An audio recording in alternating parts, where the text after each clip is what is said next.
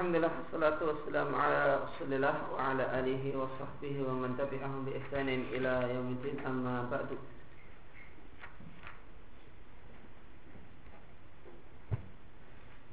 Qala al-musannifu rahimallahu taala qala al-muallifu penulis tafsir Jalalain mengatakan la yastati'una nasrahum ay alihatuhum Berhala-berhala mereka itu tidak mampu menolong mereka wa nuzilu atau nuzilu manzilatal uqala di sini berhala tersebut e, dianggap sebagai orang yang berakal. Menggunakan kata-kata la yastati'un. Wahum sedangkan mereka yaitu berhala-berhala tersebut yang mereka sembah lahum jundul memiliki tentara. Bisa mihim demikian sangkaan mereka yang bisa menolong mereka.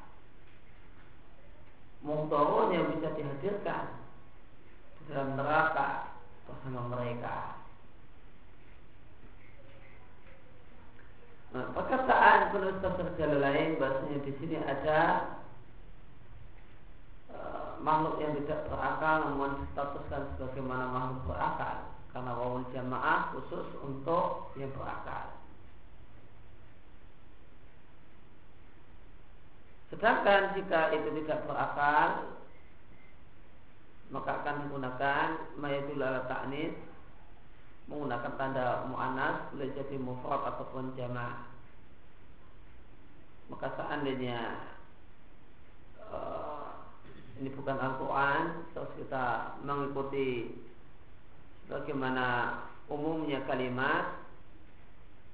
Kalimat pada umumnya Bisa bunyinya La tastati'u nasrahum Berhala tersebut tidak mampu menolong Orang-orang yang menyembahnya. Atau La yastati'na nasrahum akan tapi ternyata bunyinya ayat la yastati'una nasrahum. Maka di sini Potong-potong berhala tersebut dianggap sebagaimana makhluk yang berakal Nah kenapa perkara-perkara tersebut disebut uh, lain setiaun menggunakan wawul jemaah Lianna haula karena mereka mereka para penyembahnya ini alasan yang disampaikan oleh Ibnu di sini.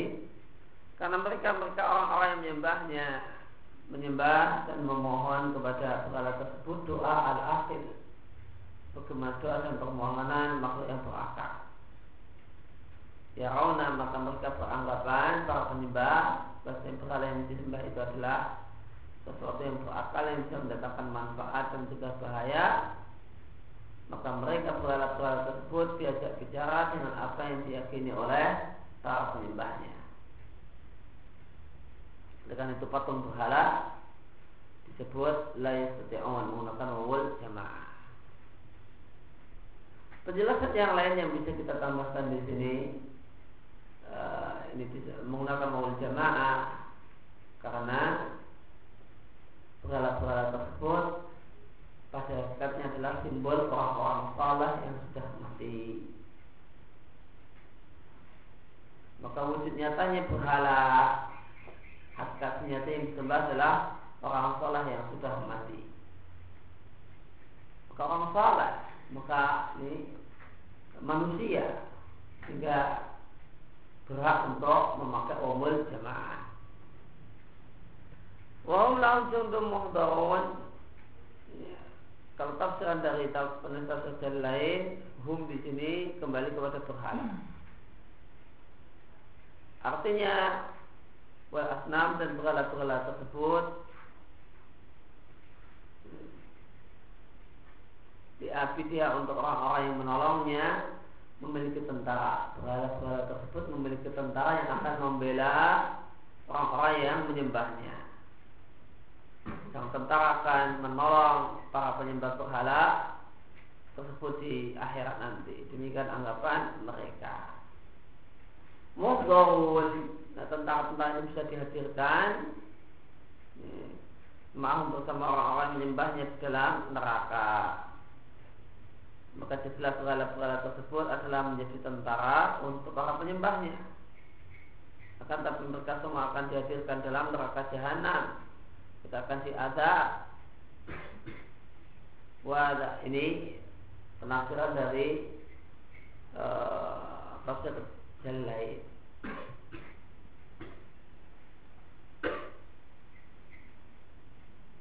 Maka mereka berhala-berhala tersebut lahum jundun akan menjadi tentara bagi para menyembahnya.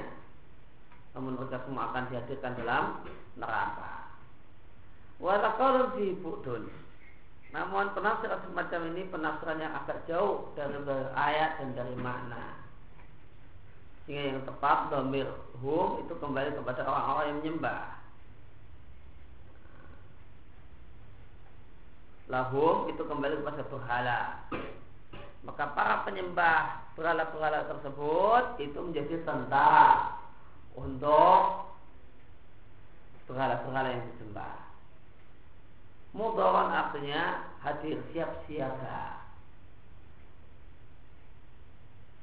artinya bahasanya berhala-berhala ini sebenarnya tidak mampu menolong mereka akan tapi orang-orang yang menyembahnya lah yang memberikan pembelaan terhadap berhala-berhala itu.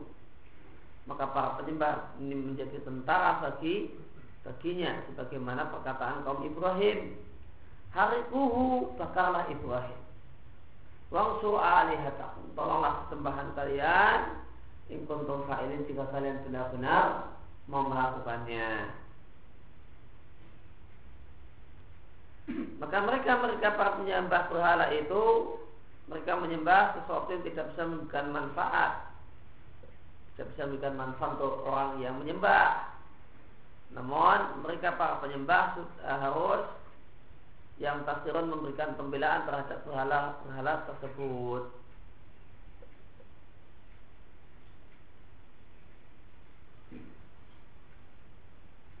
Wahum lahum jundum muhdahun liudafi'u maka mereka para penyembah itu akan jadi para pembela dari berhala-berhala tersebut. Fayakunu fi hadha tasawufi maka tindakan ini menyembah berhala ada tindakan yang naksun, tindakan yang keblinger, yang tidak benar dari dua sisi. Yang pertama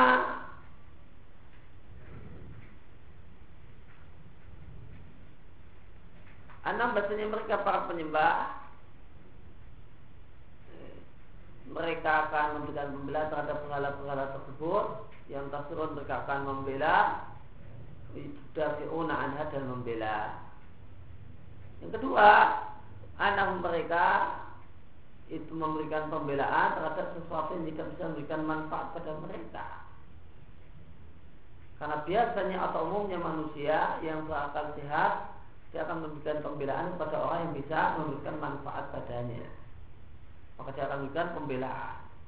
Adapun orang yang tidak akan e, layang tasirulahu tidak akan e, memberikan pembelaan padanya tidak pernah memberi bisa memberi manfaat sedikit pun maka tidak mungkin ada manusia yang mau bela-bela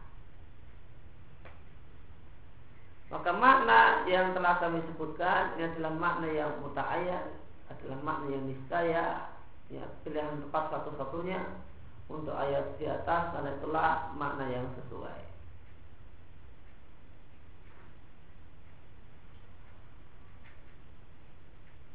Wawalladhi yunadi alaihim bisafahi wa. Dan penafsir seperti inilah yang menyebabkan mereka para penyembah berhala tersebut dinilai bisafa adalah orang yang sedikit berakal, waduh dan sesat. Mereka menyembah sesuatu yang tidak bisa menolong mereka, tidak bisa bantu. Mereka orang tidak membela. Mereka susah, pacaklik juga tidak bisa menurunkan hujan. Kekeringan, tidak bisa menurunkan hujan. Ngapain disembah? Habis itu yang kedua harus berkorban lagi ketika ada yang ganggu berhalanya maka dia harus memberikan pengobatan dan pembelaan. Apa dia nggak tahu semacam ini? Hanya ini bisa dilakukan oleh orang-orang yang safah, odolah, orang yang sudah sangat sedikit akalnya meskipun tidak gila. Nah, sebenarnya ya sudah tidak genep akalnya. Itu apa nyembah sesuatu yang tidak juga manfaat. Bahkan itu apa sampai dibila-bilain. Nah, harus keluar dan itu memberikan pembelaan. Dan apa yang dikatakan oleh oleh ayat ini sangat tepat. Ya, bisa kita lihat, kita saksikan. Ya, bagaimanakah para penyembah penyembah kubur memberikan pembelaan kepada kubur kosong, mbah periuk. Mereka memberikan pembelaan yang luar biasa sama persis dengan apa yang Allah katakan dalam ayat ini wahum lahum jundum muhdharun maka mereka para penyembah berhala tersebut para penyembah kubur dan yang lain itu menjadi tentara bagi yang disembah yang mereka mau orang yang siap-siap siapa saja yang mau menggusur makam ini langkai nyawa-nyawa kami terlebih dahulu ini namanya ini prakteknya dari hum lahum jumdum muhdorun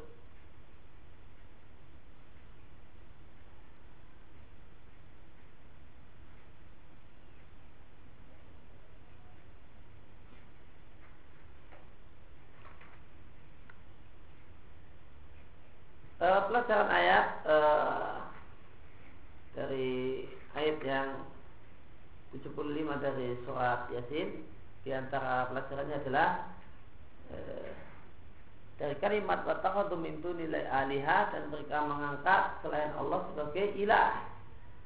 Dalil bolehnya menggunakan kata-kata ilah untuk selain Allah. Karena Allah berfirman watakhadu min nilai alihah.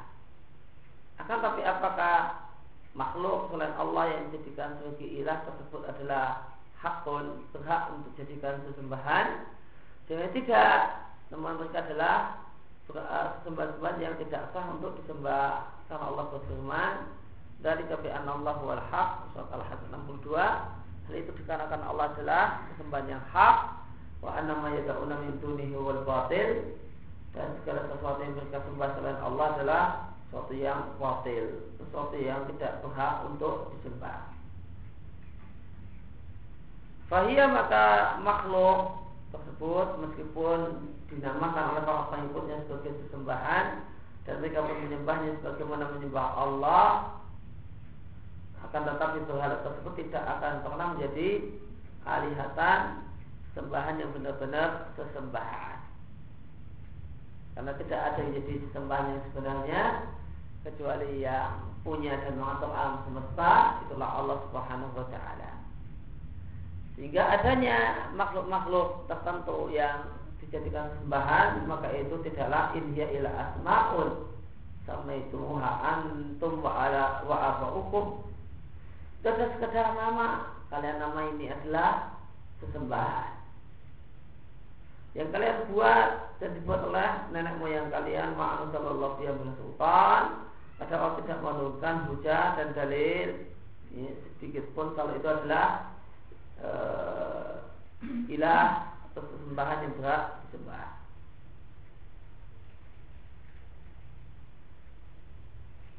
Kemudian di antara kandungan ayat yang mereka orang-orang yang mengangkat sesembahan-sembahan ini mereka beranggapan bahwa sesembahan tersebut bisa menolong mereka. Namun Allah batalkan anggapan ini dengan Allah katakan la yastati'una nasrahum. Mereka tidak bisa menolong orang-orang yang menyembahnya.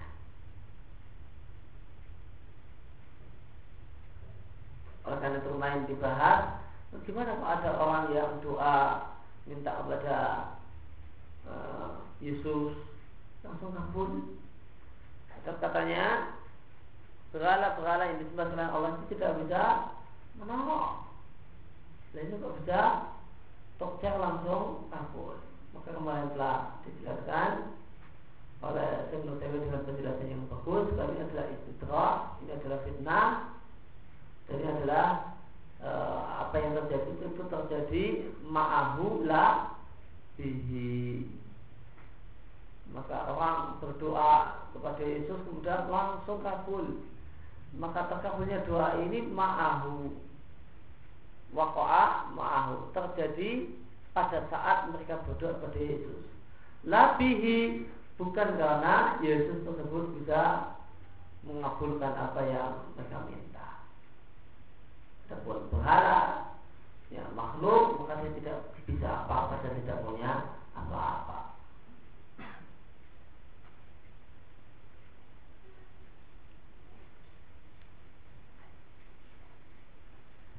Kemudian kandungan yang lain di antara kandungan ayatnya adalah bahasanya manusia al-mubtil ahlul batil pastilah memiliki sesuatu yang bisa dia gunakan untuk membenarkan kebatilannya.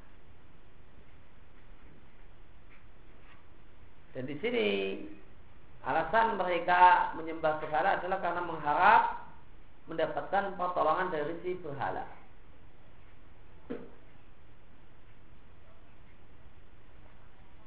Allah katakan la'allahum yungsarun supaya mereka ditolong.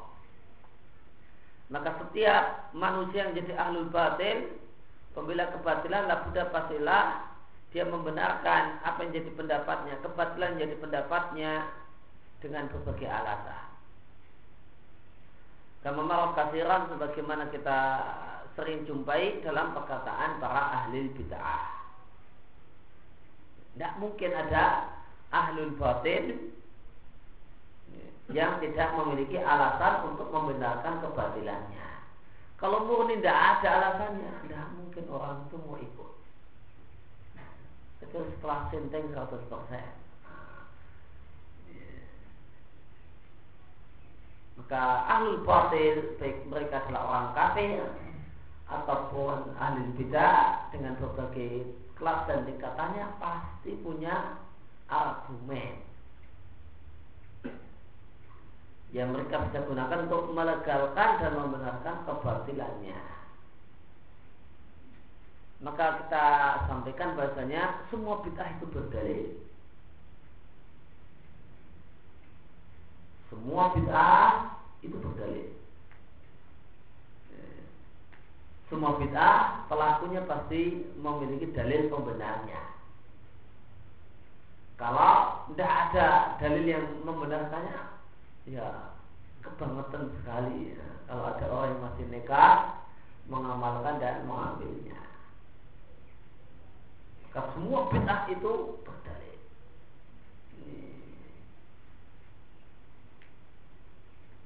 Cuma apakah dalilnya pada tempatnya? Nah ini masalahnya lain lagi. Mereka betul kalau dalilnya itu itu palsu, mimpi, ketemu Nabi atau yang lainnya. Nah, apakah ini layak untuk dijadikan sumber hukum agama? Jawabannya tidak. Namun, apakah punya dalil? Punya alasan? Pasti punya alasan. Meskipun alasan ini ternyata ketika kita timbang dengan timbangan ilmiah boleh jadi ada sama sekali tidak bukanlah alasan.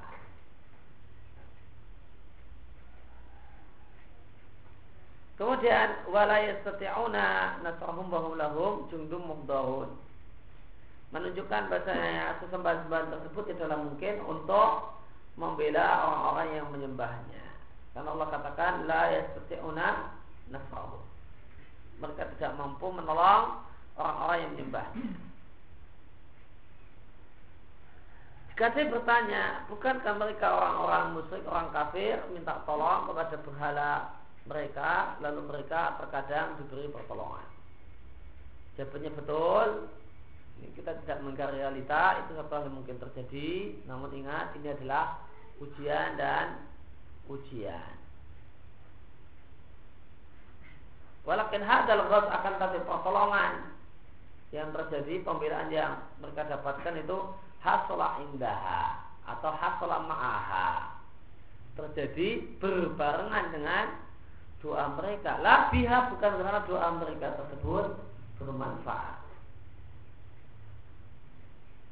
Maka terdapat perbedaan antara sesuatu itu terjadi bisa dengan sebab sesuatu sesuatu itu terjadi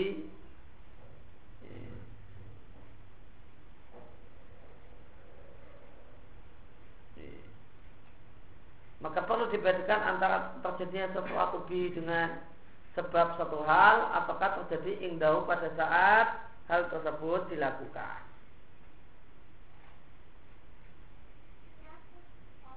Wasabab gair sedangkan sebabnya berbeda. Maka sebab adanya pertolongan bagi orang-orang yang minta tolong pada berhala sebabnya adalah fitnah karena ingin istidrat supaya orang itu semakin asik dalam kekafiran. Dan bukanlah sebab e, munculnya dan datangnya pertolongan Allah ini bukanlah karena karena doa kepada berhala-berhala tersebut. Karena Allah berfirman, "Wa man adallu mimman yad'u min dunillah" Siapa yang lebih sesat daripada orang yang berdoa pada selain Allah, mana istajibullah yang disembah itu tidak mampu mengabulkannya sampai kiamat tiba wa antu ayim ghafilun sedangkan mereka adalah orang-orang yang lalai terhadap e, doa orang-orang yang menyembahnya. Maka kembali disampaikan di sini oleh Syamul Temin bahwasanya kemenangan atau pertolongan atau punya doa orang-orang musyrik. Begitu dia saat dia berdoa maka itu bukan karena sebab ya, berhala-berhala tersebut mengabulkan permohonannya. Namun Allah takdirkan itu untuk terjadi berbarengan ya, dengan doa dia. Atau semisal itu. Dan pelajaran yang lain bahasanya mereka orang-orang yang menyembah berhala itu akan jadi tentara yang siap siap siaga untuk membela berhala-berhala mereka. Mereka akan memberikan pembelaan terhadap berhala dan memberikan penolongan, pertolongan pada berhala mereka wahum lahum jundum muhtarun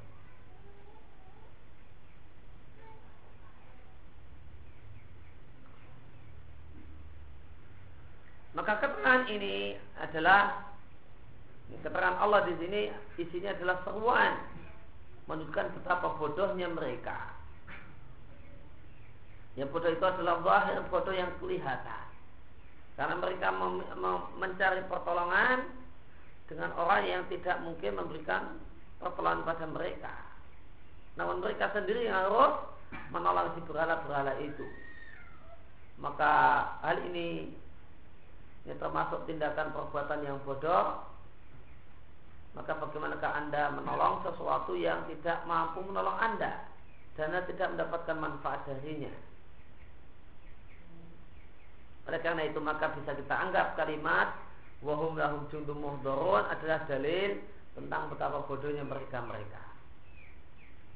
Artinya mereka menolong berhala-berhala tersebut memberikan pertolongan dan pembelaan padahal berhala tersebut tidak memberikan pertolongan pada mereka. Dan apa yang telah kami sampaikan di sini berdasarkan apa yang telah kami pilih di ketika membahas tentang sarah atau tafsir Bahasanya mana ayat bahasanya mereka mereka orang-orang yang menyembah lil mahbudin pada orang pihak yang disembah itu adalah menjadi tentara yang siap siaga membela orang yang disembah. Ada penulis e, pendapat penulis tafsir jalan lain maka beliau tafsirannya berbeda dengan apa yang tadi kita sampaikan. Kalau tafsiran dari penulis tafsir jalan lain ya anak hadil asna maka e, berhala-berhala tersebut berkeyakinan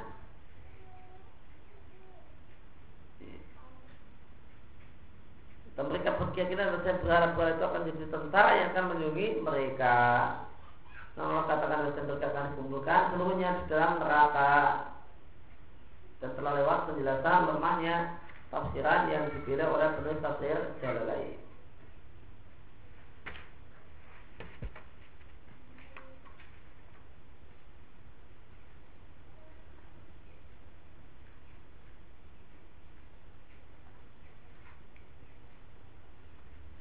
Kemudian ayat yang ke-76 dari surat Yasin, "Fala yahzuka qauluhum." Maka ucapan dan kata-kata mereka janganlah menyebabkan engkau bersedih. Inna na'lamu ma yusiruna wa ma yu'linun. Ya kami mengetahui apa yang mereka sembunyikan dan apa yang mereka e, lakukan dengan terang-terangan. anda atau engkau dalam ayat ini yang dimaksudkan Rasulullah Sallallahu Alaihi Wasallam dan yang dimaksud dengan falayah zungka artinya janganlah perkataan mereka itu menyebutkan dalam kesedihan dan yang namanya hazan adalah menyesal walham dan sedih wa ta'asub dan uh, ya, sedih lima mata berkaitan dengan apa yang telah terjadi. Wal khauf sedangkan khauf adalah alhamu adalah hati yang berdebar-debar karena terakuk menunggu-nunggu masa depan.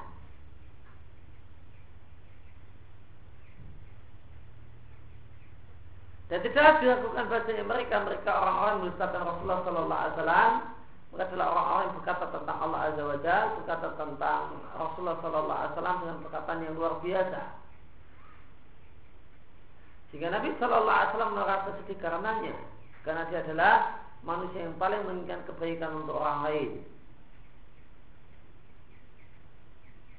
Fayahzunuh maka sangat sedih baginya eh, ayat takala mahaula mereka mereka orang-orang kafir, orang-orang menolak dakwah berbicara dengan pembicaraan yang dampak punya adalah kejelekan bagi mereka sendiri. Meskipun perbuatan orang-orang kafir ini tidaklah membahayakan ya, si ya, tidaklah membahayakan diri Nabi Wasallam, cuma membuatnya sedih. Oleh karena itu Allah menghibur dengan mengatakan Janganlah perkataan mereka membuatmu sedih. Maka ayat ini semisal dengan ayat di surat Al-Kahfi. La'allaka boleh jadi engkau membunuh, menghancurkan dirimu sendiri. Allah yakunu mu'minin karena mereka tidak mau beriman. Artinya la'allaka boleh jadi anda menghancurkan diri anda sendiri karena tidak mengimaninya.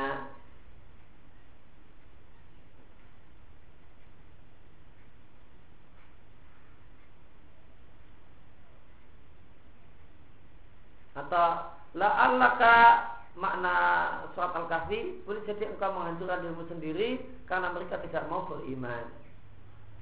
Dan Allah Azza wa Jalla mengatakan wala tahzan alaihim wala taku fi mimma yamkurun. Jangan engkau sedih, jangan pula engkau bersempit hati dikarenakan makar yang mereka buat. Maka berbagai ayat yang menghibur Rasul alaihi salatu wassalam dan menguatkan beliau untuk bersabar dan bersabar menghadapi gangguan orang-orang yang mendustakan sangat banyak sekali.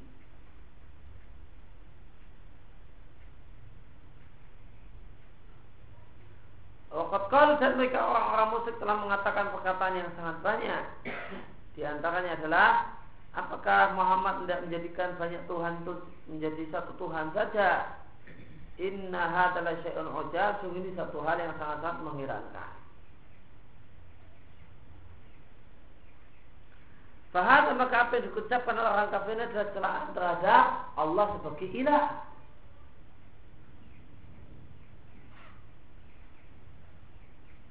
Ya, maka karena hal-hal semacam Nabi sangat ingin menghancurkan diri beliau sendiri karena mereka kok tidak mau saja e, tidak mau beriman padahal telah berbagai upaya telah dilakukan. Demikian juga mereka orang-orang musyrik mengatakan lasta mursala. Anda bukanlah utusan Allah. Ini adalah celaan terhadap risalah bahwa ini adalah utusan Allah Subhanahu wa taala. Mereka mengatakan bahwa Muhammad itu adalah orang yang gila, penyair, dukun, tukang sihir. Wahada aydan dan ini ada juga di antara bentuk uh, menyakiti kepribadian Rasul Shallallahu Alaihi Wasallam. Dan satu hal yang dimaklumi bahwa manusia itu masih manusia. Meskipun dia adalah Nabi Muhammad Shallallahu Alaihi Wasallam maka dia akan sangat terkesan ketika dakwahnya itu ditentang. Bukan hanya pada pokoknya ya, namun pada isi dan isinya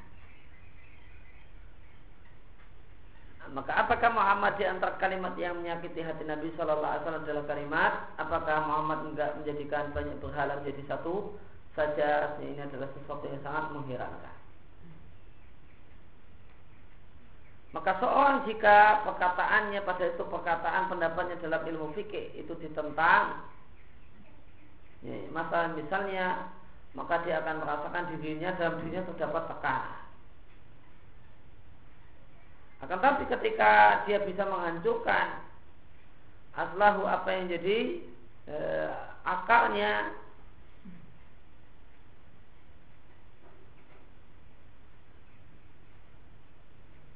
yakun asyadu wa a'zam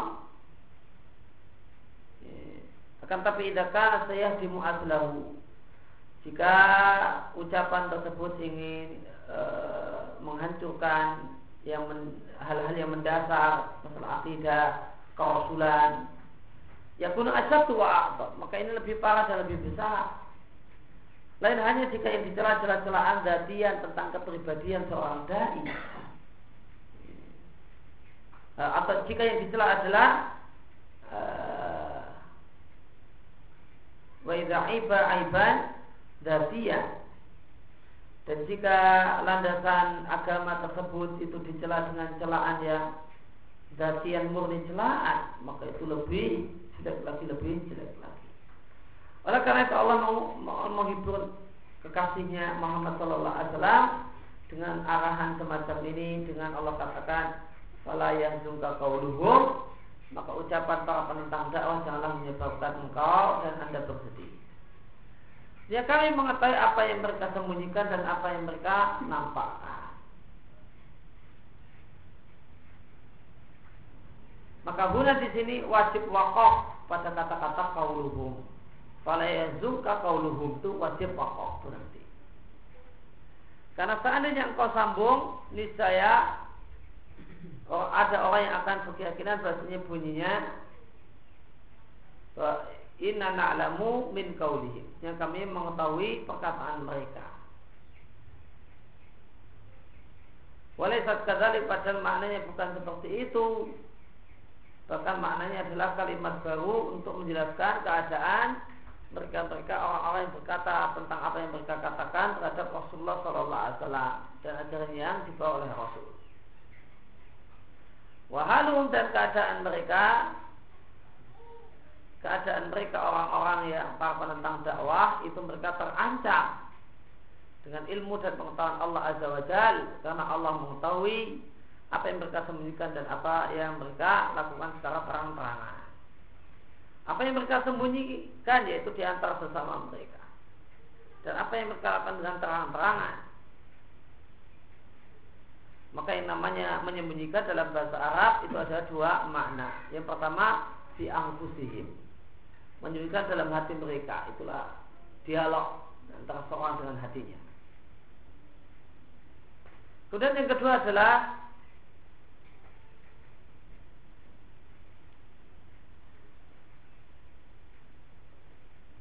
mayubtunahu adalah kalimat yang mereka nampakkan kepada orang lain namun bisik-bisik.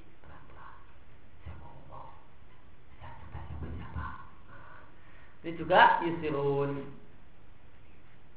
Maka sir dalam bahasa Arab itu bisa maknanya kata hati. Bisa artinya ngomong dengan orang lain cuma namun genak genik, ya. namun ngomong dengan orang lain dengan telah.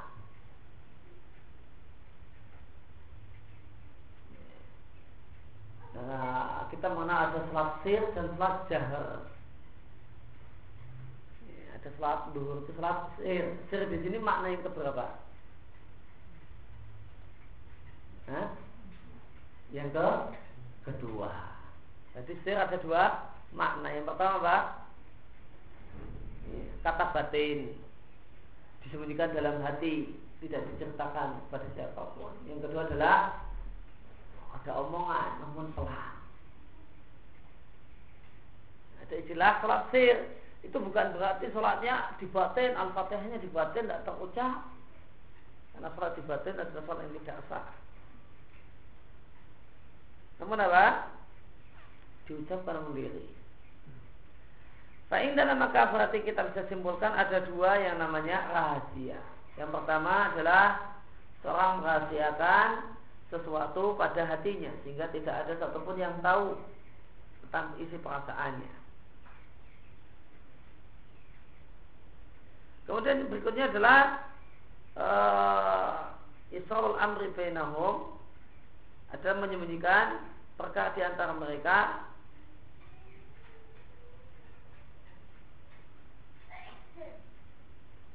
Fala yakhuju li maka berita tersebut tidak keluar pada selain mereka. Dan akan kami sampaikan beberapa contoh. Maka sir makna yang kedua itu adalah ada omongan namun pelan-pelan. Dan di rahasia tidak boleh ada orang di luar kelompok kita yang mengetahuinya. Nah, ada beberapa contoh untuk ini.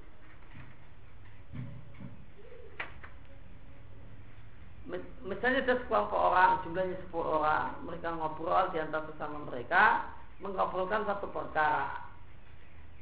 Akan tapi saya hujuli ghairihim. Namun apa yang dibisikkan ini tidaklah keluar di luar kelompok mereka. Ini juga rahasia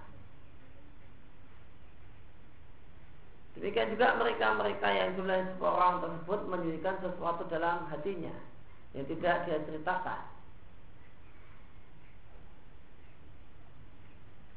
dia tidak ceritakan pada kawan-kawan ya bahasa ayat dan israr maka ini juga disebut sir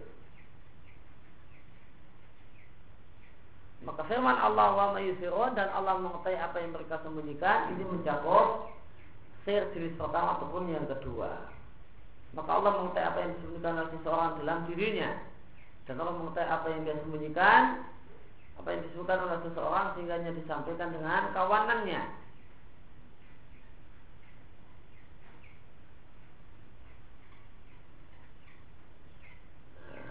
Duna ayuk linuhu ghairihim tanpa mereka umumkan untuk pihak-pihak yang lain.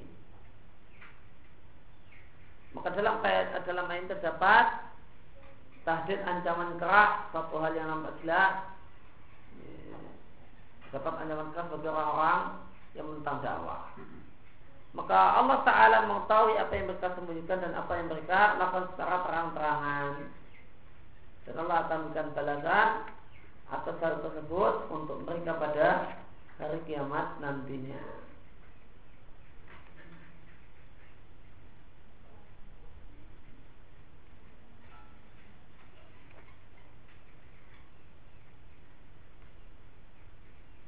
Ya demikian yang kita baca dan kita bahas kesempatan pagi hari ini. Wassalamualaikum ala nabiyina Muhammadin wa ala alihi wa wa.